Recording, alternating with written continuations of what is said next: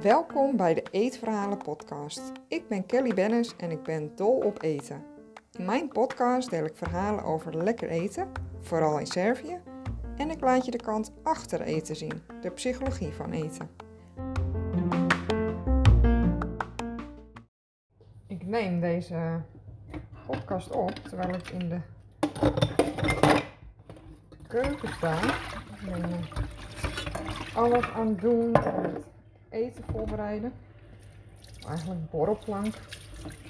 Een lekker eh, borrelplankje met kerstavond eh, eten. Dat hebben we ja, twee weken geleden of zo ook gedaan. Dat viel zo goed. Allemaal verschillende kaasjes. En ik heb nu lekkere olijven gehaald. Beenham. Gegrilde artisjokken. En gaat, dat hoor je misschien op de achtergrond. Uh, we schuiven een camembert in de oven. Die is lekker zacht. En dan een zuurdesem erbij. Super lekker. Daar heb ik uh, wel zin in. Zo direct om dat te eten. Ik zal eventjes vertellen welke kaasjes ik erbij uh, doe. Een bleu d'auverge, een blauwe kaas, Port Salut. En uh, dat is een koelkaas. Een stukje chèvre, dus geitenkaas. Ik heb nog een dipsausje met, met chipotle peppers. Dat zijn gerookte pepers. Echt heel lekker stukjes uh, wortel erbij. Ik wil ook nog een cranberry saus gaan maken. En ik heb verse peer erbij, lekkere plakjes sappige peer. Nou, dan uh, komt het wel in orde, denk ik. Zo, ja, en voor wat last minute kerstdiner inspiratie. Of misschien gewoon voor hoe je een menu samenstelt zal ik even uitleggen wat wij de komende dagen gaan eten met kerst. Eerste kerstdag eten we knolselderijsoep met uh, salie en er zit ook crème fraîche in. Het is echt een onwijs lekkere, ja, romige, echt verfijnde soep. Alsof je in een restaurant zit te eten. Ik heb die, uh, dat recept een keer uh, gevonden in Boodschappen, zo'n tijdschrift uit de supermarkt. En het is echt heel lekker. En ze doen er normaal een, een salie hazelnoten crunch op. En ik ga hem nu gewoon proberen te maken met de salie door de soep heen. Kijken hoe dat uh, wordt. Verder eten we rollade erbij van uh, varken. Dus die gaat lekker mooi uh, langzaam garen in de oven. Ik weet nog niet precies of ik daar nou speciaal kruiden op ga doen of dat ik hem vrij naturel hou. En ik ga echt fantastische bloemkoolpuree erbij maken van John Halvermaan. Ik heb een, bijna een jaar in de keuken gestaan bij John Halvermaan. Ja, hij had dan, dan ging hij de bloemkoolpuree maken van geroosterde bloemkool. En dat is echt verrukkelijk. Dus dat doen we erbij. En lekker sla met een lekkere dressing. Gewoon een vinaigrette. En als toetje maak ik de Kolas Zavishna. Vishnama. Dat is um, cake, zo'n tulband ga ik maken. Dat is het recept uh, van mijn schoonmoeder. En normaal maak je die met zure kersen. Ik heb ze nu gewoon met gewone kersen uit de vriezer. Dat is een heerlijke luchtige cake onwijs lekker. Een beetje iets tussen Moscovische cake in en gewone cake. Dus best wel luchtig. En dan ga ik een limoenglazuur opmaken. Dus een traditioneel Servische cake met een ja, modern tintje eraan. Uh, lekker glazuur erop. Dus dat eten we lekker voor eerste kerstdag. Voor tweede kerstdag maak ik een uh, ja, eenvoudige bouillon. Maar die is altijd Heel lekker. Ik maak die ook vaak door de week als uh, volgerecht bij het eten. Want in Servië is het heel gebruikelijk dat je soep eet voor de maaltijd. En het is eigenlijk wel echt heel erg lekker om te eten. Ja, voordat je de maaltijd begint. Dus dat ga ik maken. En ja, de meest simpele manier eigenlijk om dat te maken is. Uh, je kan het iets uitgebreider doen met een hele kip of met de kippenbotten. Of stel dat je een kip roostert in de oven. De bordjes die je dan over hebt, daar kan je dan uh, weer bouillon van maken. Gewoon met zout erbij. En uh, bijvoorbeeld gember, ui, knoflook. Maar stel dat je geen hele kip hebt uh, die je hebt geroosterd. Of een deel daarvan dus. Dan kun je gewoon kippendij kopen. Dat is uh, ja, een heel smaakvol deel van de kip. Het heeft ook een beetje vet. En dat kan je gewoon met uh, koud of kokend water in een pan doen. En als je van die gedroogde groenten hebt en zout, als je dat erbij doet. Je kan soms van die potjes kopen waar alleen puur gedroogde groenten in zitten. Dus stel dat je dat ergens ziet in een kookwinkel of zo, dat is hartstikke lekker. Als je dat nou niet hebt, kun je ook gewoon lekker wederom uitje, knoflook. Hè, dat kunnen ook grove stukken zijn als je het lekker vindt om dat op te eten tijdens dat je de soep eet. Dan ehm, kan je het fijn snijden. Dat, dat is wat lekkerder dan de grote stukken. En je kan uh, ja, een stukje gember erbij doen. Je, ja, je kan het zo gek maken, allerlei kruiden erbij. Maar eigenlijk is het super snel al lekker. Dus eigenlijk uh, met, als je die gedroogde groenten hebt en zout en die kip, dan is dat eigenlijk al genoeg. En als je dat niet hebt, dan vervang je die gedroogde groenten door knoflook en door uit.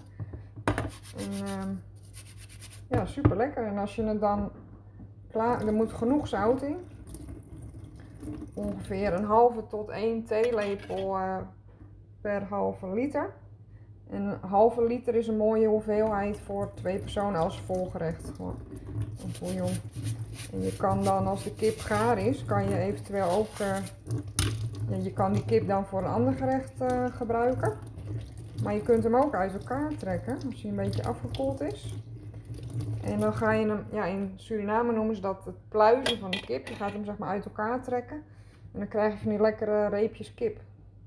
En dat is ook heerlijk om in de soep te doen. Maar je kunt die stukjes kip ook uh, prima weer gebruiken voor een ander gerecht. Lekker op wraps bijvoorbeeld. Of uh, in een pasta, wat je maar wil. Dus die bouillon, daar starten we mee. En als hoofdgerecht ga ik een pappardel maken. Dat zijn ehm, hele brede linten pasta. Uh, ja, je kan het zelf maken, maar ik, heb voor deze keer gewoon uh, uh, een mooi merk uh, pappardel gekocht. Zo'n gedroogde pasta.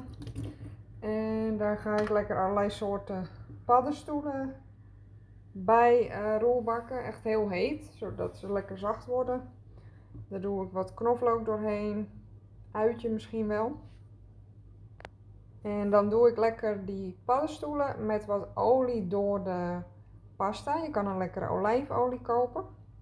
En vervolgens doe ik daar ook plakjes truffel op. Je kan die in een, uh, hè, als je verse truffel kan vinden, is dat helemaal gaaf.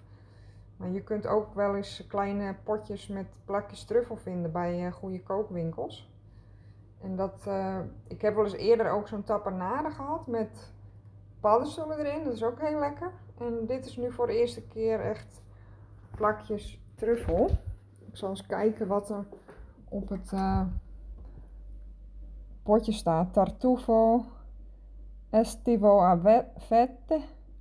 Komt uit uh, Italië. En ja, er staat hier niet op welke soort truffel het is. Maar goed, we gaan, we gaan kijken. Oh, zomertruffel. Wel, ja, zomertruffel is het. Ik ga daar nog een dessert bij bedenken. Wellicht ga ik iets doen met het kerstbrood van Kees Holtkamp. Die ga ik morgen lekker bakken. En ik ga ook cinnamon buns maken uit. Uh, ja, je, je ziet ze in allerlei landen Zweden, Denemarken onder andere. Daar ben ik zelf geweest, dus dan weet ik zeker. Maar ze hebben in heel veel uh, landen in Scandinavië hebben ze de kanelbullar, zoals dat dan in, uh, in Zweden genoemd wordt. En dat zijn heerlijke ja, broodjes van gistdeeg met kaneel en cardamom erin. En dat duurt een paar uur om die te maken. En, maar dat is zo lekker. Echt heerlijk. Ik ga dus ook het kerstbrood van Kees maken. En wie weet kan ik met een van die twee wel lekker een dessert uh, maken. Misschien met uh, zelfgemaakte vanille-ijs erbij. Dus dat wordt ook alweer. Ik uh, ga nu even de, het zuurdezemstokbrood en de camembert in de oven zetten. Zuurdezemstokbrood heb ik nu gewoon bij de supermarkt gehaald. Dat is het meest makkelijke als je niet een bakker in de buurt hebt die dat bakt. Want dat is natuurlijk niet te vergelijken. Dat is, hè, dit is een mooi alternatief. dit, uh, dit brood. Wat ook helemaal prima is. Maar probeer het echt eens het brood van de bakker. Een uh, zuurdezembrood. Je weet echt niet wat je proeft. Zo heerlijk. Echt zo lekker. Lekker knapperig en onwijs veel smaak. Dus echt een aanrader om dat eens te proberen. Bakkerij Niemeyer in uh, Amsterdam heeft hele lekkere broden.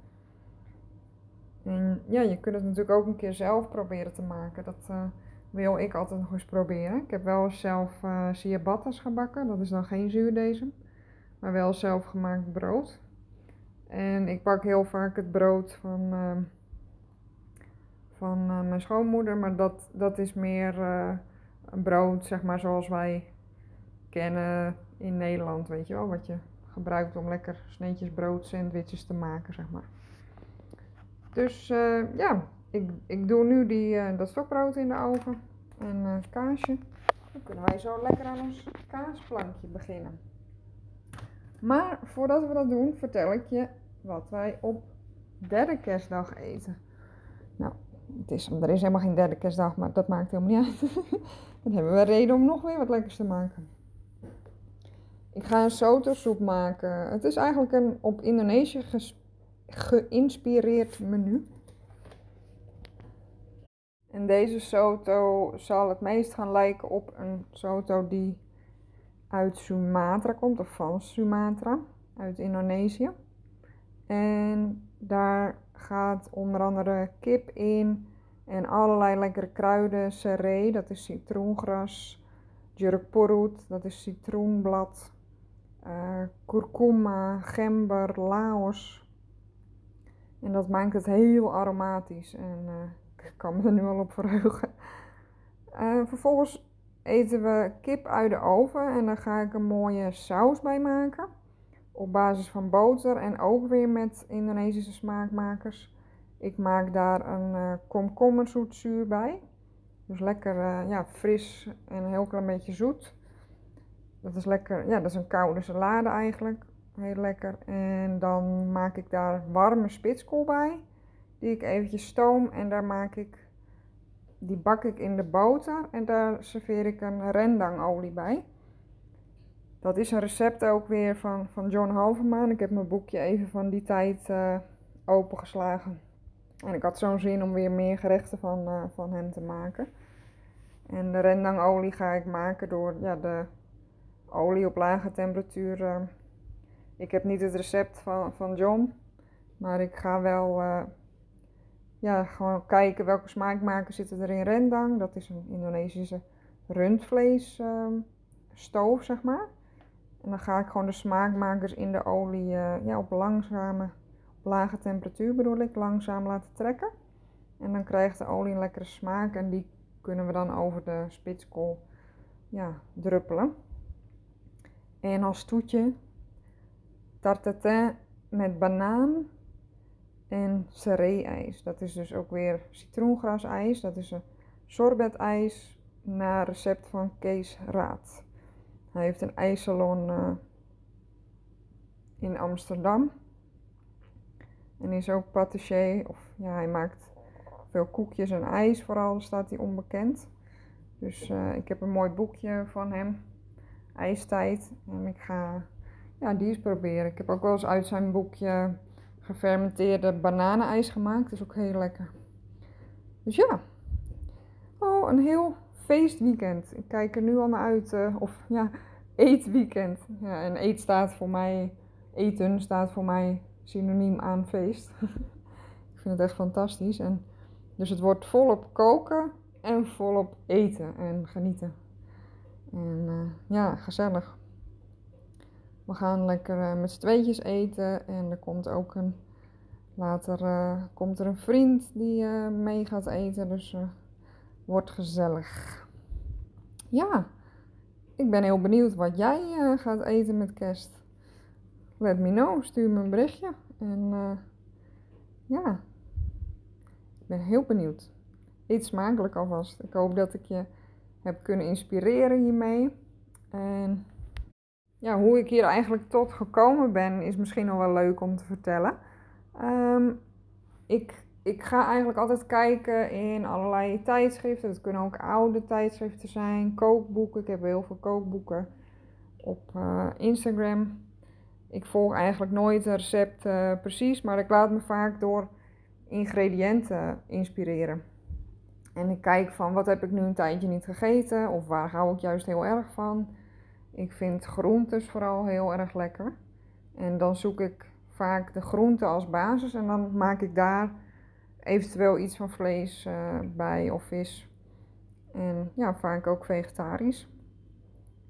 Dus uh, ja, dat kan alle kanten op. En zo ja, fabriceer ik dan uh, met de dingen die ik lekker vind maak ik dan een menu. En soms is een thema ook heel leuk. Zo begon ik met het saree-ijs, want ik was op zoek van wat voor ijs ga ik maken. En ik dacht eerst vanille-ijs. Ga ik misschien ook wel maken. Misschien maak ik twee soorten ijs. En toen kwam ik het saree-ijs tegen en dacht ik, oh, dat is lekker. En dat past goed bij een tarte banaan, wat ik ook had bedacht. Toen dacht ik, hé, hey, dat is allemaal een beetje Aziatisch. Laat ik een Indonesisch menu maken. En dan ga ik bedenken, oh, wat past daar dan weer bij? Nou, en zo kom ik dan allerlei recepten tegen en die vormen samen dan een mooi geheel. Dus ik ben ook benieuwd uh, hoe, hoe jij je, je menu of je kerstmenu samenstelt. En ja, laat het me weten wat je hebt gemaakt. Vind ik super leuk om te horen. Vind je trouwens leuk om de foto's te zien van wat ik allemaal heb gemaakt? Die kun je zien op @kellybennisfood. En hou ze daar in de gaten. Zodra ik het heb gegeten, dan zet ik de foto's erop. En uh, laat me ook vooral jouw foto's zien van jouw kerstdiner. Oké, bedankt weer voor het luisteren en tot de volgende keer. Doei!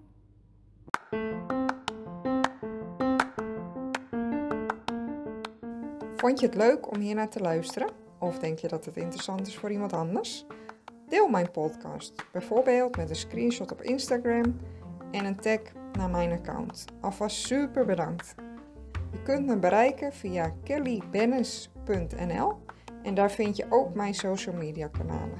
Heb je een vraag of een verzoek voor een bepaalde aflevering? Laat het me weten. Dat vind ik echt super leuk als jij ook je input geeft. Tot de volgende aflevering.